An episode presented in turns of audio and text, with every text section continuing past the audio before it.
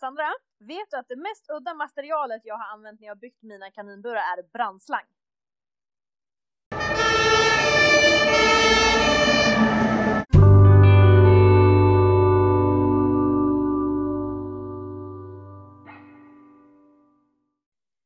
Hej och välkomna till avsnitt nummer fem av vår podd Kaninhopparsnack. Idag så tänkte vi att vi ska prata lite om oss själva igen, eller snarare om våra kaningårdar och då specifikt om kaninburar och allt som vi kan trycka in i vårt kaninrum eller vår lilla kaninbod. Och ni kanske undrar varför vi kommer ut med detta avsnittet en vecka sent. Och eh, vi får väl säga så här att som det känns just nu för oss så kommer vi ändra om lite och kommer utkomma varannan vecka. Av den enkla anledningen tänker jag att vi jobbar i veckorna och ja, man ska hinna med annat i livet också. Eller vad säger du Karin? Verkligen. Och visst att det är jättekul och vi kände i början där att vi, klart vi fixar det här varje vecka, men vi kände lite ändå ett par veckor in att eh, även om vi inte hade lovat något avsnitt varje vecka så blev det nästan lite press direkt. Och då sa vi att då är det bättre att vi kör varannan vecka och sen om ni är snälla så kanske det blir lite extra avsnitt då och då istället. Nej, just det. det. Det tar lite tid. Inspelningarna lyckas vi kanske göra ganska fort, men sen ska vi även klippa avsnitten och klippa det materialet vi har spelat in och lite så. Så det, det tar tid och jag kan bara prata för mig själv så kommer man hem från jobbet då är man ganska trött om dagarna. Kanske inte har så mycket ok kvar för att sitta och klippa. Och från början så var ju lite grann att ja, men vi kan ju ha avsnitt på kanske 20 minuter, en halvtimme max. Men när man spelar in och inser att varenda gång så har vi material på över en timme, att det kanske är en och en halv timme, att avsnitten blir lite längre än vad vi hade tänkt, men då får de bli lite mer sällan istället.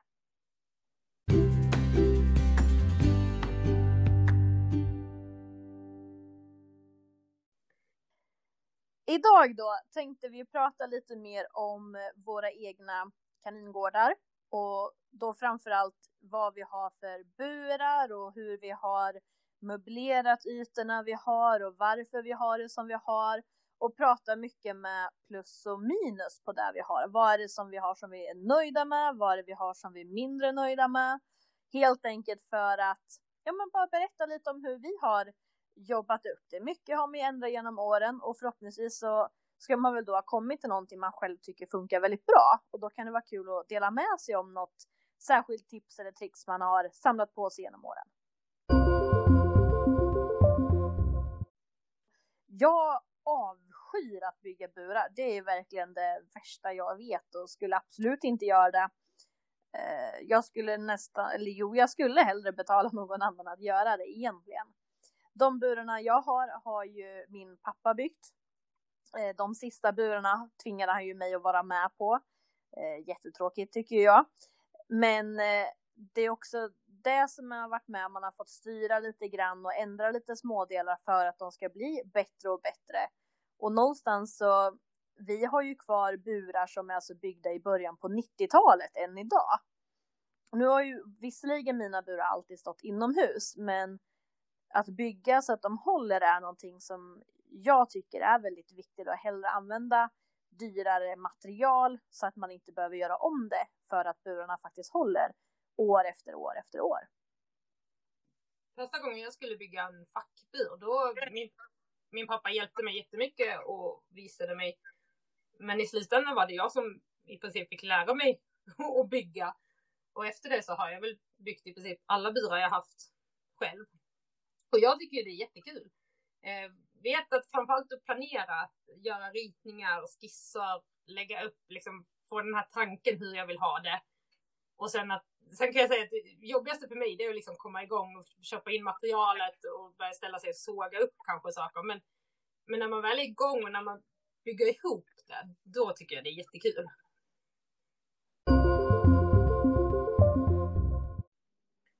Vad känner du med dina burar som du har idag? Vad är det som gör dem bra för dig? Mm.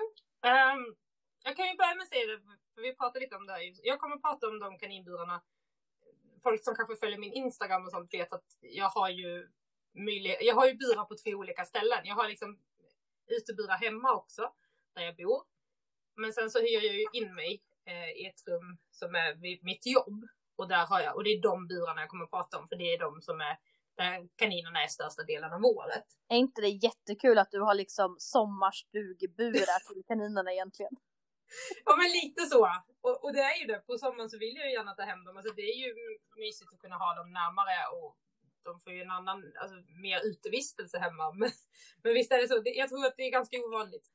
Men när jag började att planera de här burarna, då var min tanke efter just som du säger att man lär sig med alla burar man bygger eller så, vad man vill ändra till nästa gång. Och jag ville ha burar som inte hade några kanter i sig, om du förstår vad jag tänker, så här listor inne och så. För att de blir tuggyta för kaninerna. Mm. Och då mm. tänker jag inte på en spillkant, för den hade jag också tyckt varit godkänd för kaninerna att tugga på. Men när man liksom har regelverket inne i buren, om man säger, eh, stommen för buren och att det sitter inne, då har jag alltid varit med om att kaninerna lätt tugga på det och det är väl inte någon fara i sig, men jag tycker det blir tråkigt och det kan ju, har man en bur väldigt, väldigt länge kanske det blir så att man måste byta ut den och så. Så det var min tanke, just att ja, det ska inte finnas några lösa kanter om man säger. Sen hade jag ju bestämt mig för vilken yta jag vill ha och det var just att jag skulle utgå från en stor byggskiva. De är, vad är de, 2,40 långa, så det var liksom längden på min bur skulle vara 2,40 för då kunde jag utgå från det. Och det, det ångrar jag inte. Ska jag, säga. Alltså jag tycker om att ha stora burar till kaniner. Sen om de utnyttjar ytan fullt ut, det är väldigt individuellt. Men det, det var väl de främsta, liksom just stora och inte de här ja, kanterna. Det, det, var verkligen de jag jobbade ut efter och ritade mina skisser därefter. Jag ville, hur jag ville ha det. Och sen också, får vi, vi, får nog lägga in bilder på våra burar tänker jag så folk kan förstå sen vad vi pratar om. Men jag har så att jag kan öppna hela fronten. Jag har liksom fyra dörrar fram till. Och där finns det täckta delar. För det vill jag ändå att djuren ska kunna komma undan på något sätt. Och där är det också att jag har ju toalåda till alla mina. Och då är tanken att jag ska bara kunna liksom ta ut den här lådan. Den ska liksom passa i den här öppningen. Eh, så det var också något jag ritade efter. Men dina burar då Karin, om, om jag bollar över frågan till dig då. Vad vad tänker du med när ni byggde era, även om de nu är från 90-talet? De två första burarna är ju väldigt, väldigt lika. Och den första buren, den, är, den skrotade jag faktiskt för bara ett par år sedan. Eh, så nu har jag en bur mindre än vad jag hade från början där. Men de som vi har kvar ändå, jag har fyra stycken fackburar i mitt kaninstall. Och den eh, första som vi byggde, den är ju fortfarande kvar. Och sen så är det ju en till från den tiden kan man säga. Och sen så är det ju två stycken som är mer likadana som är de sista burarna som är byggda. Men grundtanken med dem var ju att de skulle vara lättmanövrerade. De är ju byggda för att passa in i en kaninuppfödning där det ändå är en hel del kaniner. Och förutom uppfödningen sen så var det ju min bror höll ju på med kaninhoppning och jag höll ju på så att det var ju ändå ganska mycket kaniner. Och eh, det som grundtanken var ju framförallt att tänka någonstans, även fast man vill ha många djur för att det ska fungera med uppfödningen, att hellre ha färre fack och lättmanövrerade. Och då det som vi jobbade efter var ju skottkärran. Man skulle kunna ställa skottkärran under buren och raka ner dyngan i rakt ner i skottkärran så att man inte behövde hålla på och lyfta och krångla och ha burar för lågt ner till exempel så att det blir att man får böja sig ner för att komma åt dem. Det är eh, väldigt smart. Jag ska säga, det missade jag ju helt när jag byggde mina så. Nu, nu kan jag ju göra det med översta facket. Jag har ju också fackburar och de är i två plan. Men undre är ju inte så. Sen, sen har jag ju nackdelen att jag är inte så jättelång. Så mm. det är svårt också att bygga alltså upp på höjden. För att då får man andra problem. Precis. Och där, samma sak där egentligen är ju att vi, vi valde att inte ha allt för höga burar. Just för att man också lättare skulle kunna nå de övre facken. Eh, min mamma är ju inte lång. Eh, jag blev ju inte heller lång heller. Så att eh, så det har ändå varit skönt. I övrigt så har vi jobbat mycket med det här med att uppnå och stänga burarna, att det ska vara smidigt och inte ha onödiga eh, krångliga haspar eller lås och sådana saker. Nu har ju ändå vi haft turen och haft våra kaniner inne och kunnat stänga dörren så vi har inte behövt ha speciellt avancerade öppningar. Men vi har jobbat mycket med klossar så att man vrider bara en kloss åt varje håll beroende på vilken dörr man vill öppna och det har ju varit ett väldigt enkelt och smidigt system. Just för att det, man behöver inte ens ha fingrar, höll jag på att säga, för att öppna, utan man kan bara trycka till lite på klossen.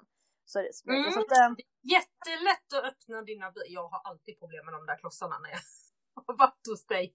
Du bara, fel håll, fel håll. och, och det, det är ju faktiskt intressant, för vi har ju alltså, tänkt dig en rektangulär kloss. Och sen så har man då skruvat fast den i regeln mellan burdörrarna, för en kloss öppnar ju två dörrar.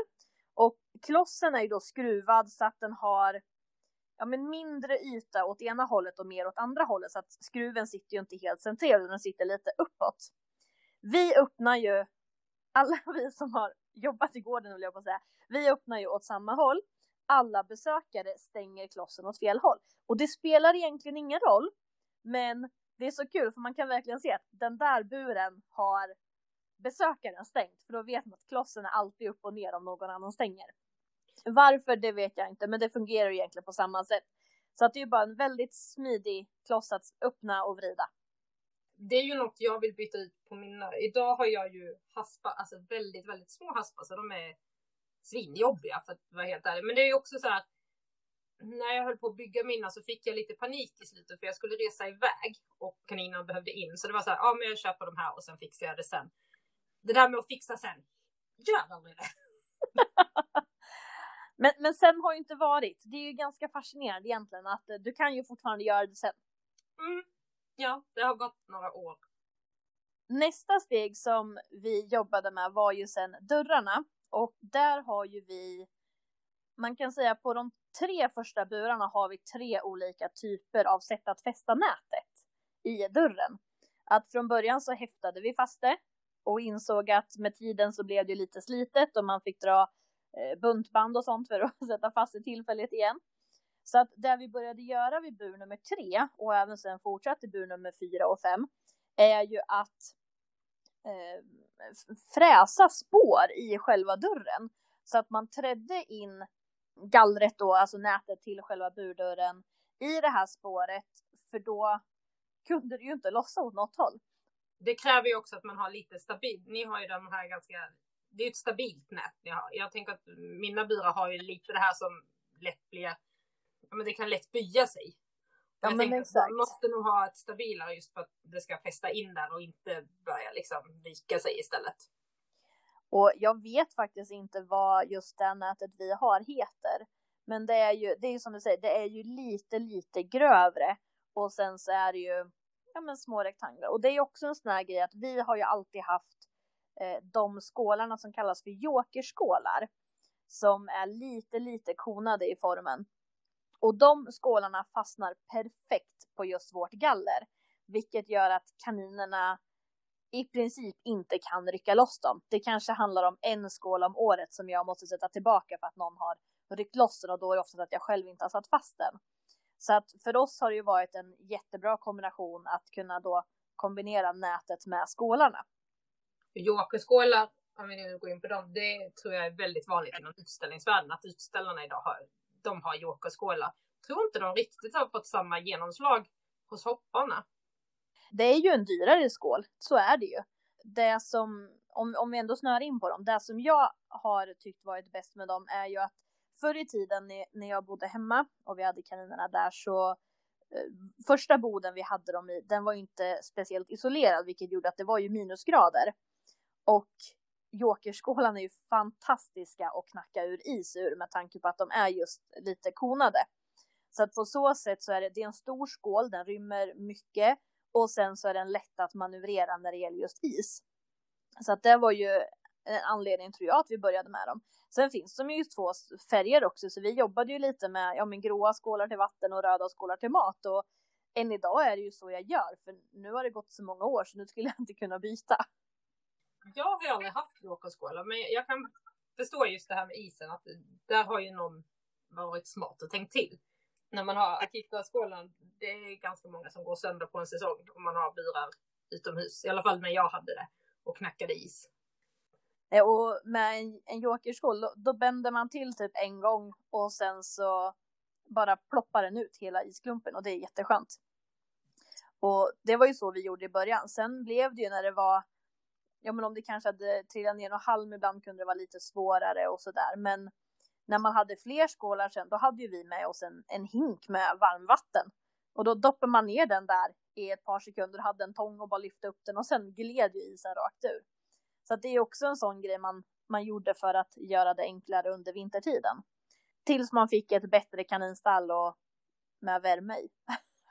Men det kanske är några av våra lyssnare som inte har kaniner inne, har den lyxen, jag kallar det lyx, som vi har. Så ja, ett tips helt enkelt, Jokerskålar vintertid. Nej men så det var väl lite det med dörrarna som vi jobbade med. Sen det som vi märkte på de första burarna var ju att med tiden så gick ju gångjärnen sönder. Och framförallt, jag vet att pappa skällde så ofta på oss för att man stänger dörren och sen är det lite halm emellan och man trycker till lite extra hårt istället för att peta bort halmen. Så att gångjärnen knäcktes ju och han blev ju lite trött på det här och då gjorde han en annan variant av lösning på att sätta fast våra dörrar. Så istället för att använda gångjärnen som inte har någon elasticitet i sig så vet inte varför vi hade det, men vi hade brandslang hemma. Och då skar ju han en, en bit av den här brandslangen och då använde ju själva slangen som gångjärn. Vilket gjorde att då kunde man ju skruva fast det på själva buren och sen även då andra sidan då på dörren. Och sen så är det då slangen som håller ihop där. Och det här gjorde att det blev lite mer flexibelt. Vilket gjorde att de inte längre kunde gå sönder. Så att det här var ju den bästa lösningen för våra burar. Och sen dess har ju inte ett enda gångjärn någon gång lossnat på det sättet. Så att eh, det är ju så vi gör än idag på alla burarna. Vi jobbar med, med slangen som ett gångjärn istället. Och det är ju, jag tänker att ofta är det ju trämaterial vi använder till våra burar. Jag vet eh, någon som faktiskt har delar i alla fall i metall och sånt och det finns säkert en fördel men det är ju också en kostnadsfråga. Eh, men jag skulle tro att de flesta idag, då är det trä och, och det är ju så årstider att det sväller och krymper och ja, det är inte helt lätt alltid att förutspå hur, hur det kommer. Alltså så, vissa perioder så kan du stänga den där dörren utan problem, andra perioder så är det svårare. Och någonstans är man ju lat. Alltså det var ju det som var problemet för oss, att vi orkade ju inte plocka bort de där halmstråna varje dag. Och då blev det att man gjorde så som vi visste att man egentligen inte skulle. Så att, nej men den där lösningen var, var faktiskt jättesmidig för oss. Sen är vi nog egentligen framme till de burarna där jag fick börja lägga mig i lite mer i.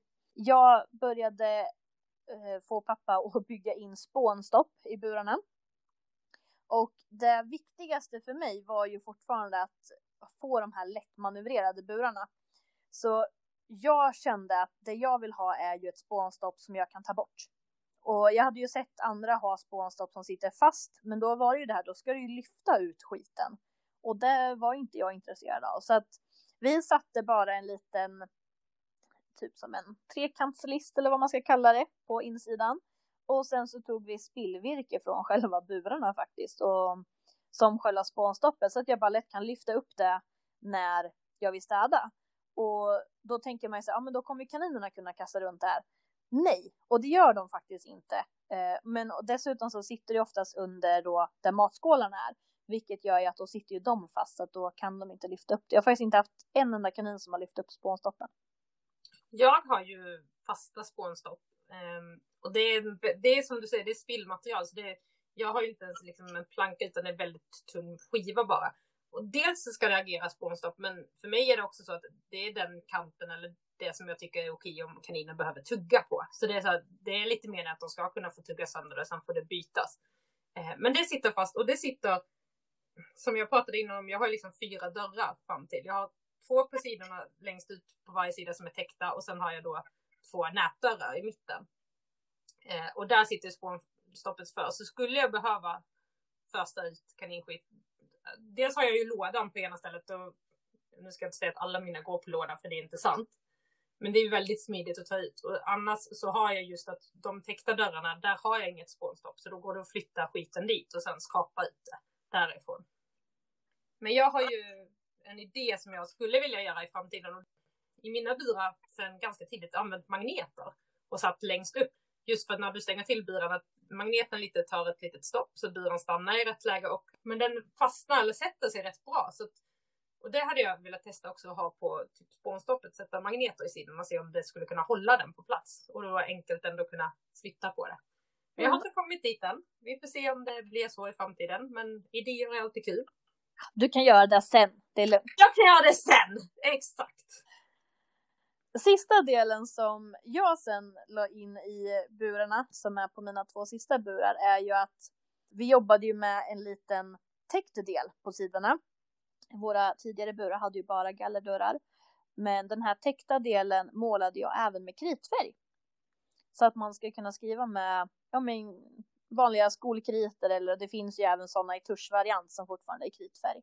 Och det här var ju mycket för att lätt kunna skriva till exempel först och främst vem det är som bor där. Man kan skriva lite när de är födda, hur mycket maten ska ha, om den är parad, vilket datum, när förväntas ungarna komma. Ja, men alla sådana saker. Eh, och sen hade jag även en, en jättestor tavla med kritfärg, men jag tyckte det var ganska skönt att ha just det här på burarna.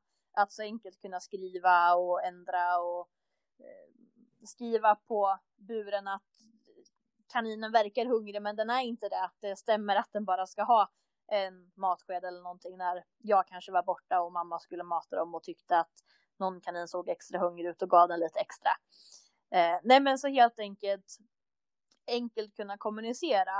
Eh, och det var ju sen strax därefter flyttade jag hemifrån och fick jättemycket hjälp från mamma. Och då var ju det skönt att veta att det var lätt för henne att veta också vilken kanin det var eller var det någon som verkade hängig då visste hon exakt vem det var. För på, har man väldigt många likadana så ibland så blir det lite svårt för alla att hålla koll vem som är vem.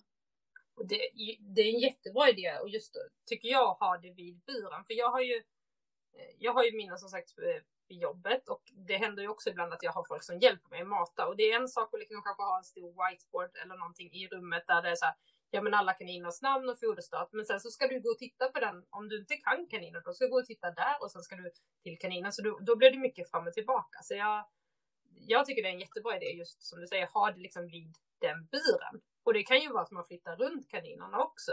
Och det kanske inte är lätt för folk att veta. Eh, så att jättebra idé. Ja, och det är något jag har velat ta efter. Jag har inte kommit så långt än. Jag brukar som det är just nu laminera in och då kan man ju skriva med en whiteboardpenna mm. och sen sudda ut. Men äh, nej, som sagt, jag vill göra det sen. Nu har vi pratat mycket bra grejer med våra burar, men har du um, någonting som du inte är nöjd med med dina burar idag?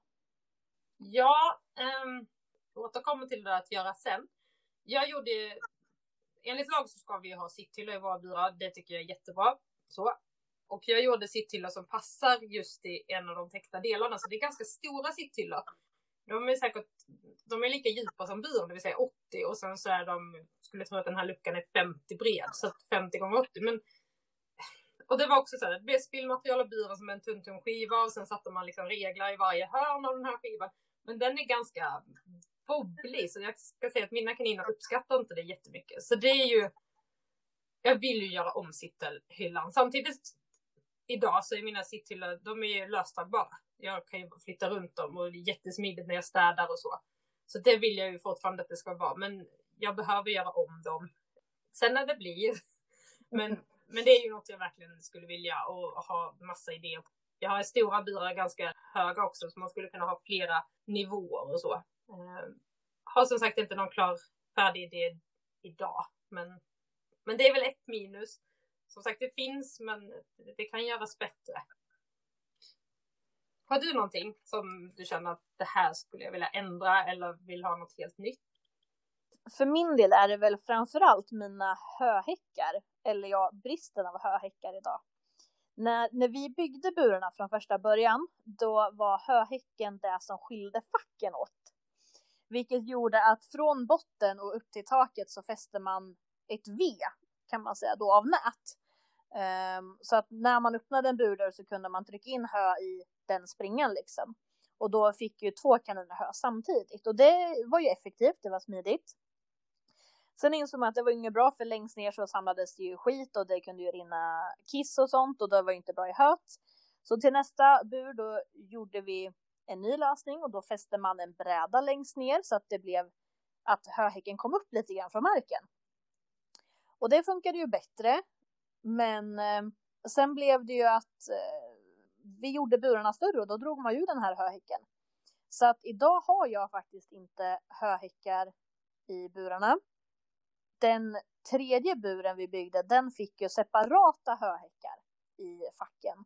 Men de satt ju liksom på väggen som gjorde att man var tvungen att stoppa in handen och sen trycka ner hö i den.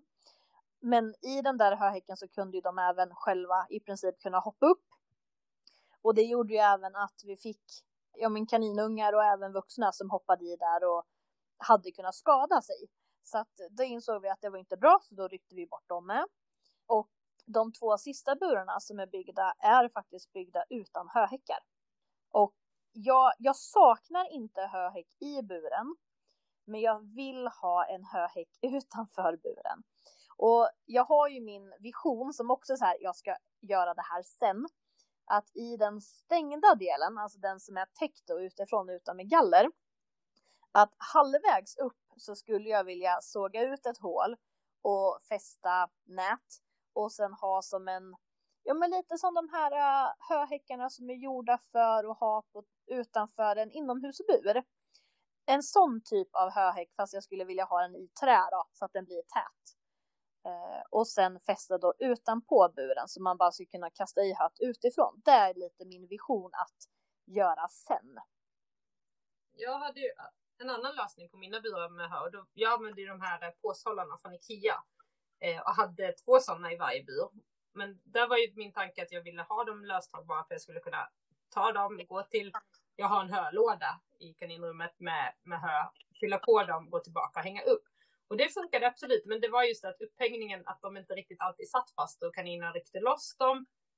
Sen tog det lite tid och jag ska helt ärligt säga att jag vill vara ganska ibland behöver jag vara tidseffektiv. Eh, så idag är det samma sak. Jag har heller inga hörhäckar. Jag lägger det direkt i deras bajslåda. Men det är också det att ibland matar någon annan och för dem är det kanske svårt att veta vart ska eh, höet ligga. Men när har du en hörhäck så är det oftast ganska tydligt. Här ska det vara hö. Eh, sen är det väl också det det som gör att jag kanske föredrar att inte ha höhäck är ju att jag tycker på något sätt, det vet jag du håller med också, att det är mer naturligt för kaninen att äta från marken. Ja, jag tycker de äter hö väldigt bra när det inte är vid galler. Och det är ju lite det här också, ja men så här, man vill ju ha stora hålor, alltså maskor i nätet för att de ska kunna enkelt komma åt höet. Men man vill ju inte ha dem för stora så att de får in hela huvudet och riskerar att fastna. Och man vill ju inte ha dem i ett för mjukt material på nätet så att de faktiskt riskerar att äta upp det. Så att det är ju lite mycket plus och minus, verkligen. Och jag vet många tycker att det blir väldigt mycket spill när man har hö på marken. Men jag vet inte riktigt om jag håller med fullt om det, för jag tycker ändå att det rasar även från höhäckar och det blir hö som de inte vill äta helt ändå. Så att um, nej, alltså jag, jag kan ju inte tycka så här, gud vad synd om mina kaniner som äter hö från backen, utan men jag skulle ju vilja för min egen smidighet skulle kunna ha lösningen att man fyller på utifrån. Ja, men det är, det är just det där att man vill vara lite tidseffektiv. Men jag tänker att vi kan väl eh, bolla den här frågan med våra lyssnare. Har ni en superbra idé på höhäck så skriv. Skicka ett meddelande och visa någon bild. Jättegärna. Tagga oss i, i ert flöde om ni har någon bild ute redan.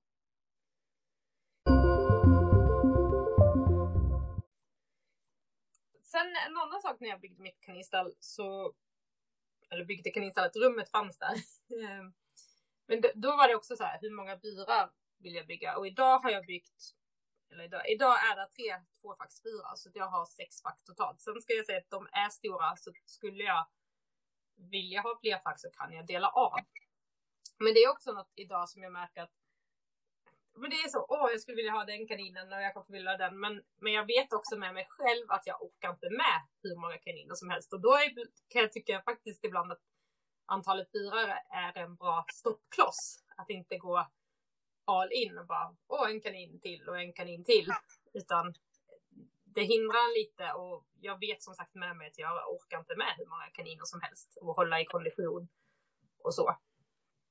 Jag håller med och, och det är lite så som vi också har tänkt att man ändå har försökt att bygga efter vad som är smidigt och inte efter hur många får jag in möjlighet här.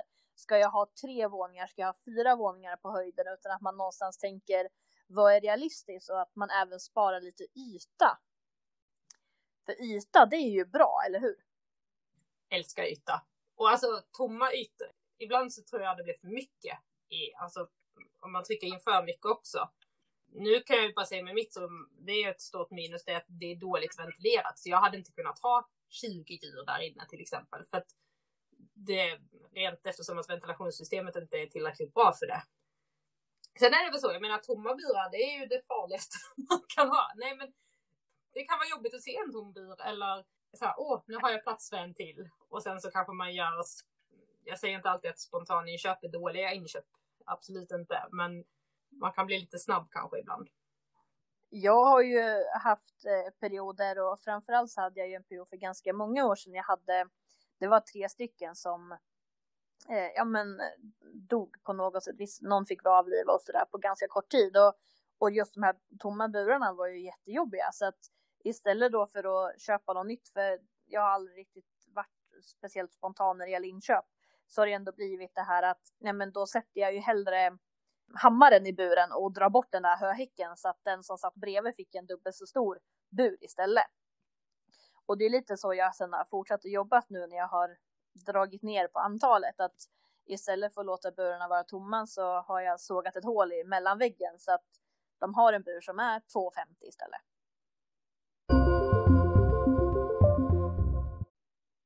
Det som egentligen alltid har varit väldigt viktigt också är att vi skulle ha den här ytan kvar, att man ska kunna ha möjlighet att ha bänk och kunna jobba på, att det ska finnas ordentlig plats för förvaring av både ja, men foder, olika sorters foder om man behöver det, hö, halm och sen även lite det här andra sakerna man alltid vill ha i kaninstallet.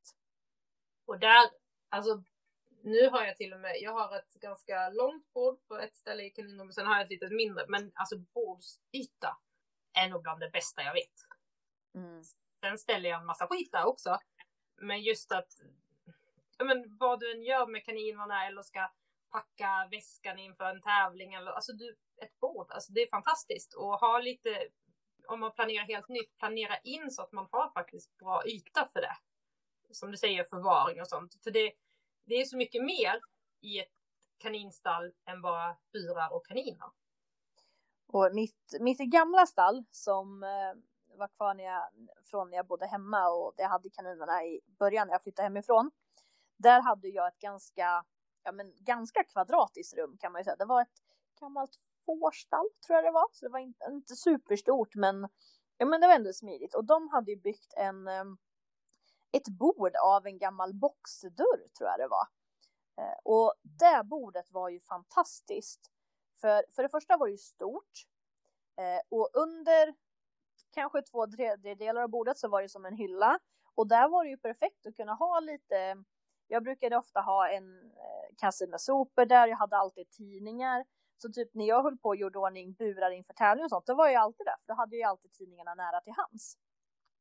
Och dessutom så hade jag även en liten högre bänk mot väggen, den enda väggen där jag inte hade burar, som just var smidig att kunna ja, men ha lite högre upp och sen där brukade jag ju även fotografera mot om jag ville typ fotografera kaninungar för det var en vit vägg bakom. Så att just det att ha någonting där man kan stå och jobba oavsett om det är att man bara vill kamma en kanin eller man vill kunna sätta ner och när man klipper klor eller ja, men bara hålla koll så är det skönt att ha de där tomma ytorna. Absolut, och jag har ju även bara, tror jag, senaste året eller senaste två år så började jag, jag satte upp ett kompostgaller mot, eh, jag har en ganska stor bred dörr in till det här kaninrummet och där satte jag ett galler på. Och alltså jag insåg hur fantastiskt kompostgaller är att kunna just ja, men på väggen, avlasta, sätta upp saker, så här, skålar jag inte använder, hängde upp selar ibland, hade någon liten tavla som gick att hänga. Alltså vad den hade så, just att få upp saker på väggen. Jag tror någon rosett hamnade där som man hade vunnit och så. Och det är också något, det var nog inte alls länge sedan som jag satte upp ytterligare ett sånt galler just för att få upp saker lite mot väggen, för jag har en del väggyta. Och anv- Mm. kunna använda den ytan också. När det gäller väggyta just nu har jag faktiskt inte jättemycket, men jag hade mycket tidigare. Och då hade jag ju en jättestor anslagstavla som också var med kritfärg så att man liksom kunde skriva lite mer ja men övergripande och var det så att man hade någon kompis som skulle åka iväg och deras kanin skulle bo hos oss när de var borta då kunde man skriva datum och sånt i förväg. Sen så hade jag även, påminner lite om kompostgaller, men jag hade en sån här typ garderobsförvaring. Som är liksom som en stor eh, tygplastgrej med massor med fickor på i olika storlekar. Och det är ju lite samma sak, att man fick upp den och sen så kunde man kasta ner selar, pannlampa, för när jag hade det där kaninhuset hade jag även några uteburar. Så var det då så att det var mörkt ute kunde man ta på sig pannlampan när man gick ut och vantar vet jag att jag hade. Ja men sådana här bra att ha-saker som man vill kunna ha möjlighet att smidigt kunna nå fram till. Så nej, den var riktigt smidig.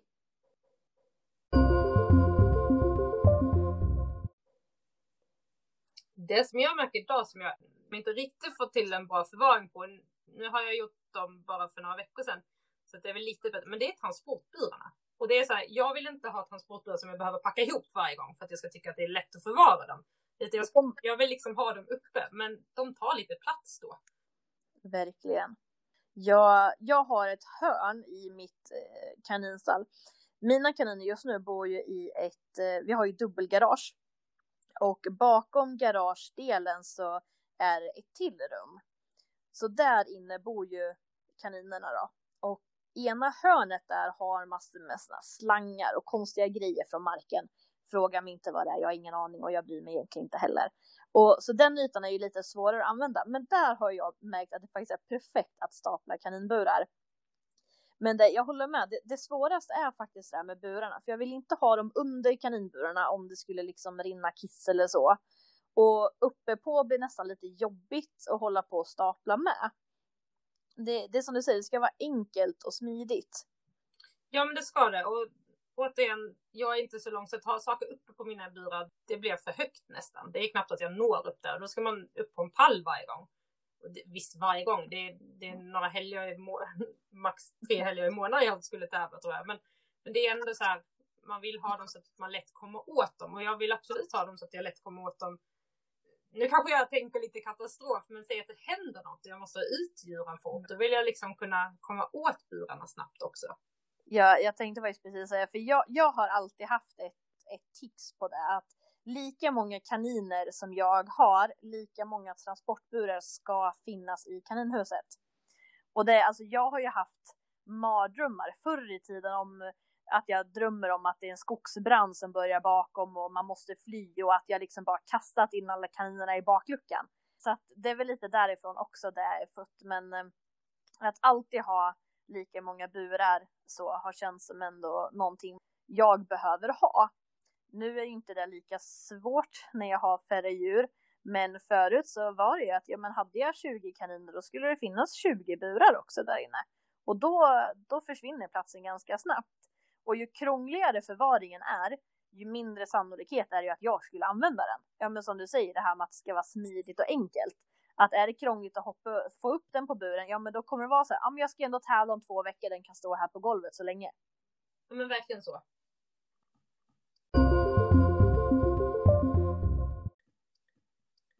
Hur förvarar du ditt foder egentligen? När jag började bygga i det här kaninrummet så hittade jag en stor låda som tillhörde jobbet och jag fick lov att använda den för det var ingen som använde den. Och i den går det verkligen i perfekt. Nu har vi ganska stora balar och de balarna, det går perfekt i. Om jag delar balen och tar kaka för kaka så går den perfekt i den här lådan. Sen finns det ju ett lock på, jag använder aldrig det för jag ser ingen mening med det. Eftersom det hör till något man använder varje dag. Så här i en låda, perfekt. Kan skräpa en del, men jag har lärt mig att inte bry mig så mycket om det. Sen har jag ju sådana här eh, de heter säkert något speciellt, men de här man ofta använder för återvinning från Ikea, sådana här vita. De är Liksom. lite snea i front va? Ja, exakt. De har jag ju pellets i, så jag har tre sådana staplade. Går perfekt in eh, under en diskbänk som jag har. Så där finns det en med bara liksom pellet och sen de andra är lite annat foder i och ja, samla lite skit om där också. Men tidningar är väl tänkt att det ska finnas där i också. Och det, Mm. jag tycker det är en jättesmart förvaring just för att det går att stapla dem och det går perfekt i en fodersäck och så. När det gäller foder så har jag, jag har en jättestor blå tunna. Jag har ingen aning om vart den kommer ifrån. Men den, den förr gick det i två stycken när man jobbade med 30 kilo säckar. Det var ju där man hade förr i tiden. Och då gick det i två sådana och sen var det lite plats kvar. Nu skulle jag ju säga att när säckarna är mindre så får jag säkert i då, ja, minst 3-20 kilos istället. Och det är ganska skönt för jag brukar oftast köpa fler säckar då när man hade fler djur så gick det åt lite mer. Nu går det ju inte åt lika mycket, de är inte lika många, så då är inte det egentligen lika viktigt att den ska vara stor, men att ändå ha den här smidigheten så att man ändå får i mycket var skönt. Sen har jag flera små tunnor och där har jag liksom samlat på mig såna här tunnor som är gratis när man handlar foder till katt och hund till exempel. Jag har ju också några sådana, står mest under bordet. Kanske inte just med foder i, men de är perfekta till all sorts förvaring. Jo men det är som, någon har jag havre i, någon har jag hackad lucern och ibland kan det ju vara om jag har något annat foder tillfälligt så kan jag ha det där i och någon med liksom blandat godis och eh, ja men alltså sånt där som man behöver ha höll jag på att säga, men sånt som man vill ha som kanske egentligen inte är måste, men smidigheten för att få det tätt. För i och med att jag ändå alltid haft dem i stall så självklart så kommer det in möss och någon enstaka gång råttor med. Och då är det skönt att man har det här stängda så att de faktiskt inte kommer åt det. För mig som faktiskt släpper ut mina kaniner och har dem lösa i kaninstallet ibland för att få att de ska få röra lite på sig, då vill man ju också ha tätt runt fodret så att de inte kommer åt det. Verkligen. Och jag tänker, du har ju massor med hungriga honor. Mm. Ganska många. Nej men och det håller jag med om och det, det är ju lite där det, det handlar om att, ja men att eh, obehöriga äga i tillträde eller vad det brukar stå på skyltarna. Jag tror det är mer, det står ju, jag har ju faktiskt den skylten på min dörr. Så Just ja! jag tror det var den du menade. Nej. Det är mössen, de är så dåliga på att läsa dock har jag insett. När det gäller sen hö och halm har ju jag, jag har ju små kärror till det. Och eh, den ena kärran, den har ju vi haft sedan urminnes tider. Och det är ju på senare år som jag sen har fått reda på att det är ju sådana tvättvagnar som man kan ha till exempel i tvättstugor. Så att det är hjul på dem och sen så är det ju som en korg man kan lyfta i och ur i en liten ställning. Jag tänkte Eh. sno en sån när du inte ser. De är perfekta att ställa en eh, höbal eller halmbal i. Och då blir det så enkelt att kunna lyfta ur kaka efter kaka och in i burarna. Så jag kan ju inte säga att jag rullar runt den när jag fodrar. Men just bara att förvaringen blir komprimerad och på höjden av hö och halm. Det tycker jag är jätteskönt. Så att jag har en för hö och en för halm i kaninstallet. Halm diskuterar jag nog inte. Så jag har ju lyxen som sagt att kunna, jag kan ju gå och ta den, precis den mängden halm jag behöver för stunden. Kan jag ju plocka utifrån. Så jag behöver ju själv inte ha förvaring av halmen. Eh, så det är väldigt smidigt. Så jag vet inte, hur har du det med spån eller annat? Om du använder annan typ av... Jag, jag kör ju spån i botten, ganska mycket spån faktiskt till och med. Och eh, sen har jag halm uppe på. Så att jag kör ju, jag har ju en, en spånbal uppen hela tiden.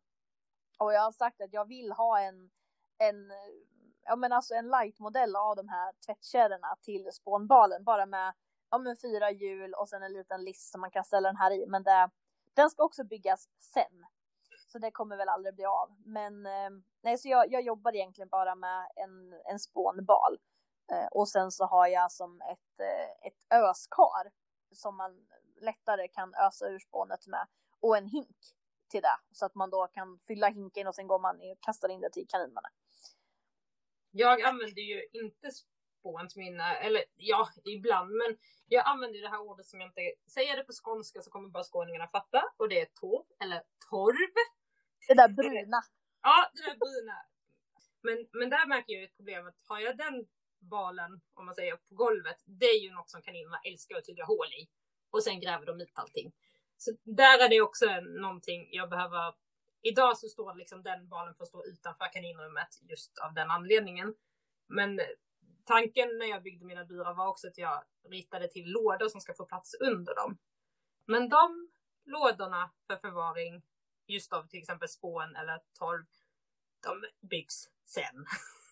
Sandra, Sandra, kan inte du berätta om när du var på granngården och skulle köpa torv? Va? Nej, det när jag ska köpa torv. De fattar ingenting vad jag säger. Nej, det bästa är när jag kan gå och ta det själv. Vad har du för grejer i ditt kaninstall som är såna här bra att ha-saker? Tänker du som jag använder som jag har eller tänker du sånt jag bara samlar som aldrig används? Jag tänker båda två. Ja men alltså bra att ha för mig, städredskap är ju en sån sak och förvaring av det. Jag har ju ganska nyligen liksom upptäckt vad som jag tycker funkar absolut bäst när jag städar burar. Och jag har ju en sån här liten skyffel i metall. Inte i plast för de går sönder, men i metall. Och sen använder jag eh, gärna en, eh, vad heter det, spackelspade? Heter det det? Jajamän. Ja, bästa. Så Var... de är ju verkligen optimala. Det är saker jag använder, inte varje dag, men när man städar. Jag vet inte hur många spackelspadar jag har gått igenom på alla år för mig, jag kan ju säga på riktigt att eh, när jag, alltså vi var ju, jag var ju två år när min mamma började föda upp. Så att när jag blev äldre och blev mer medveten så för mig var ju sakerna självklart att de hörde hemma i kaninfallet. Så sen när jag såg när man liksom var lite äldre och var i en färghandel och bara, men titta de har ju mockgrejer här. Bara, Jaha, det som vi använder för att mocka det är alltså spackelspadar. Så att ja, alltså, spackelspadar är ju fantastiska. Jag vet att många använder som kattspadar eller de typerna, men alltså sluta med det, det är värdelöst. Nej men ja. alltså spackelspadar, just komma åt i kanter och kunna skrapa ut ordentligt. Jag jobbar ju med en spade med ganska kort skaft som jag liksom lyfter ut själva alltihopa med. Och sen så har ju jag en, eh, en liten sån här skyffels, fast min är faktiskt i plast. Men jag har gått igenom några som har gått sönder, men den här är liksom lite äldre. Den har jättebra, lite grövre plast, så att den är väldigt hållbar. Så då kan man ta den och sen så då just dra den här, som du säger, spackelspaden längs med kanterna och få med allting. Det, mm, det, det är skönt att se att det verkligen blir rent efteråt. Sen när vi ändå är inne på städredskap så har alltså, jag har ju nog ganska mycket blandat. Jag har ju även en grep inne. För vissa dagar är det, det, är lite bökigt som du säger, ni har ju ändå tänkt med skottkärra under. Jag har ju inte den möjligheten och då tycker jag faktiskt det är lättast att skapa ut allt. Nu har jag betonggolv så då, då hamnar allt på golvet först och sen så kan jag med grepen lyfta upp det eh, så. Så ett grep, sopkvast och jag har till och med två sopkvast. Jag har en stor sopkvast och sen har jag en med sån här liten med skyffel som man får gå efter liksom och ta upp det här böset eller dammet som blir det sista. Mm. Men så de redskapen har inte någon jättebra förvaring men samtidigt ingen dålig heller. De står lite överallt.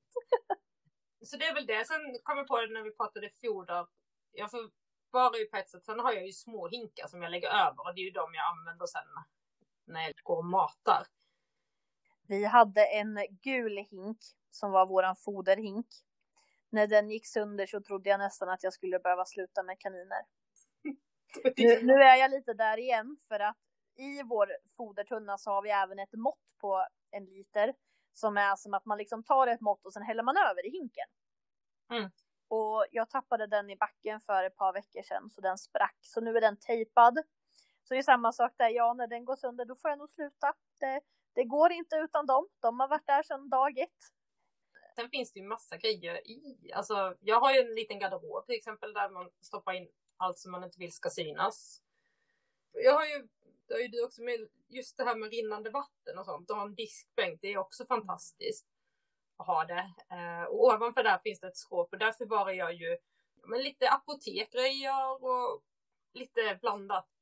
Det där med apotek tänker jag, det är kanske någonting som vi skulle kunna prata om i ett eget avsnitt. Men eh, just det här vad man kanske bör ha hemma och vad som kan vara bra att ha i vilka lägen. För jag har ju också en, en del av mitt apotek är ju ute hos kaninerna och en del är ju såklart, eller såklart, men en del har ju även inne i kylen. Eh, men den tänker jag, den kanske vi kan prata lite mer om då. Sen, jag jobbar ju också mycket med, ja men så här, att jag har plastbackar med lock och jag har även kartonger. Och uppe på mina burar så har jag ju en del sånt som jag inte behöver varje dag. Som till exempel, jag har ju mycket fläktar om jag vill använda dem på sommaren i transportburarna. Men de har jag hängt på mitt kompostgaller. Eh, men då som jag inte använder dem när det blir höst och vinter, då lägger jag dem i en kartong och sen har jag dem uppe på buren. Eller hänger på ett kompostgaller. Jag, jag har lite för många. Så, Nej, men så då, då skickar jag upp dem där så de är ur vägen och samma sak, jag har ett lager med tunnlar eh, och då är det också det här, men då åker de upp för det använder jag inte varje dag.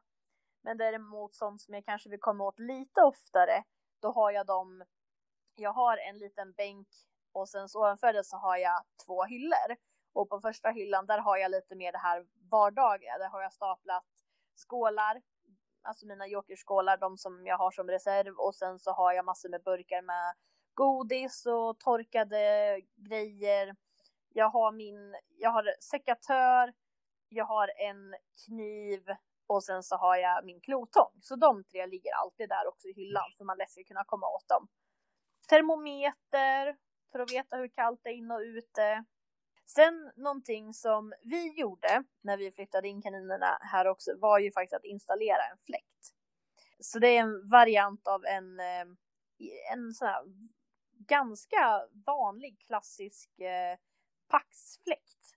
Typ som i princip som en badrumsfläkt och det har gjort jättestor skillnad. Och egentligen inte speciellt avancerat. Och eh, nästa grej vi gjorde också var ju att eh, vi bytte lite, lite lysen. Så jag har egentligen två olika varianter av belysning där jag har eh, flera lysrör för att kunna tända upp allting när jag är där. Men sen har jag även en, en nattbelysning kallar vi det som är liksom lite mindre och svagare lampor för att kunna ha så de får fler timmar med lite mer ljus även på höst och vintern. För jag har tre ganska små fönster, jag tror med tre, de kan vara fyra också, det vet faktiskt inte. Men jag har ganska små fönster högst upp. Och då blir det att det inte kommer in så mycket ljus där framåt eftermiddagen och kvällen och då tycker jag det är skönt att kunna tända upp lite extra och ha det på timer jag har också ett fönster i skaninsen. Tyvärr går det inte att öppna och det, det skulle ju behövas som sommartid eftersom att ventilationen är, inte är bra. Eh, så hur jag ska göra det, fixa det sen, det får vi se. Någonting som man också kan ha om man har lite sämre ventilation är ju att fundera på, är det till exempel väldigt fuktigt som det lätt blir sommartid, så är ju en enkel sak faktiskt att ha en luftavfuktare det är ju någonting som, som jag faktiskt har. Sen, sen kanske inte på jämt, men att den ändå finns där för att kunna hjälpa till lite grann. Men Karin, om vi tänker, eh, om du fick ändra något eller bygga till något, vad skulle det vara om du fick bara så här drömma? Om, om vi tänker realistiskt mål och inte typ självstädande burar. Självstädande är... burar är jättebra mål. Nej men det, det är väl att jag faktiskt skulle vilja få till mina, mina höhäckar. Att jag tar mig i kragen och ser till att jag bygger dem. Det, det känns väl ändå som ett realistiskt mål och ändå någonting som skulle underlätta en stor del också såklart. Du då? Framförallt nu närmaste framtiden så är tanken att min hund ska vara inne i kaninrummet här nu också om dagarna. Eh, som är med på jobbet. Så det är väl just fixa lite till honom så att, och jag har liksom en tanke på, för att någonstans är jag lite så här nördig att jag vill att allt ska se enhetligt ut. Uh, har inte du en tom bur? Jo, jo, i och för sig han får plats. Jag kan flytta upp någon så kan han få bo i någon av de nedre. Nej, men så det är väl en tanke att få till något bra till honom som ändå, liksom, jag tycker lite inredningsmässigt, som sagt nörd, men lite går in i hur övriga ser ut. Eh, annars är det väl mycket, ja men få till de här lådorna under burarna. Sen skulle jag vilja få till en hörkärra som sagt, eller sno en av dig. eh, men, men, så det är väl lite så här, jag skulle vilja göra, få se när det händer, men man skulle ju vara väldigt nöjd om man faktiskt tar sig i kragen och gör det. Men så är det Det är alltid så när man har haft en stor städning i kaninhuset och alla burarna är rena, golvet är kliniskt rent, bänken är avplockad. Jag har alltid en filt där, vi säger att den här gången är den nytvättad. När allting är rent, man är ju väldigt, väldigt nöjd de första åtta timmarna innan det hinner bli skitigt igen. Verkligen så. Ja, men vad tror du Sandra? Om vi kör det här avsnittet favorit i repris om ett år, tror du att vi har eh, kommit någonstans i våra drömmar? Jag vill ju säga ja, men eh, ska jag rannsaka mig själv så ja, vi får se. Jag tror att hundens eh, del i mitt kaninrum kommer absolut vara fixad. Det måste den. Men ja, nej men precis. Vi, vi får blicka tillbaka om ett år och eh, håller vi fortfarande på med podden, vilket jag hoppas, så får ni som lyssnar påminna oss. Nu gör vi väl så att vi kanske avrundar lite grann här då. Och sen så tänker vi så att nästa avsnitt blir då om två veckor. Och vi har ju hintat lite grann på Instagram tidigare att det kommer ett regelavsnitt så småningom. Men fortsätt att skicka in om det är någonting ni vill att vi ska prata om är det något speciellt ämne, någonting speciellt som ni funderar på? Skriv det jättegärna så att vi får lite nya idéer till vad vi ska göra framöver också, vad vi ska prata om. Ja, verkligen. Och alltså responsen från er, det är väl det bland det bästa vi vet med den här podden, att just att få höra vad folk har tyckt, ja, men få idéer och tankar, för det är ju, vi gör ju det här för er skull, att vi vill diskutera ämnen som ni vill att vi ska ta upp. Eh, så precis, hör av er. Vi nås ju på vår Instagram som heter kaninhopparsnack. Och där kan man kommentera eller så kan man skicka ett DM. Och sen har vi även en mail. Som är kaninhopparsnack.gmail.com eh, Kan vi säga i slutningen också att eh, vi har fått ut eh, podden på iTunes eller podcaster. Så ni som lyssnar på podden via iPhone eller iPad eller så ska kunna hitta den där nu. Så det är jättekul. Hoppas att det uppskattas. Sen finns vi på Acast sen innan och även Spotify. Så jättegärna gå in och skriv en hälsning, en kommentar så blir vi jätteglada och sen så hörs vi igen om två veckor. Bye bye! Hej då!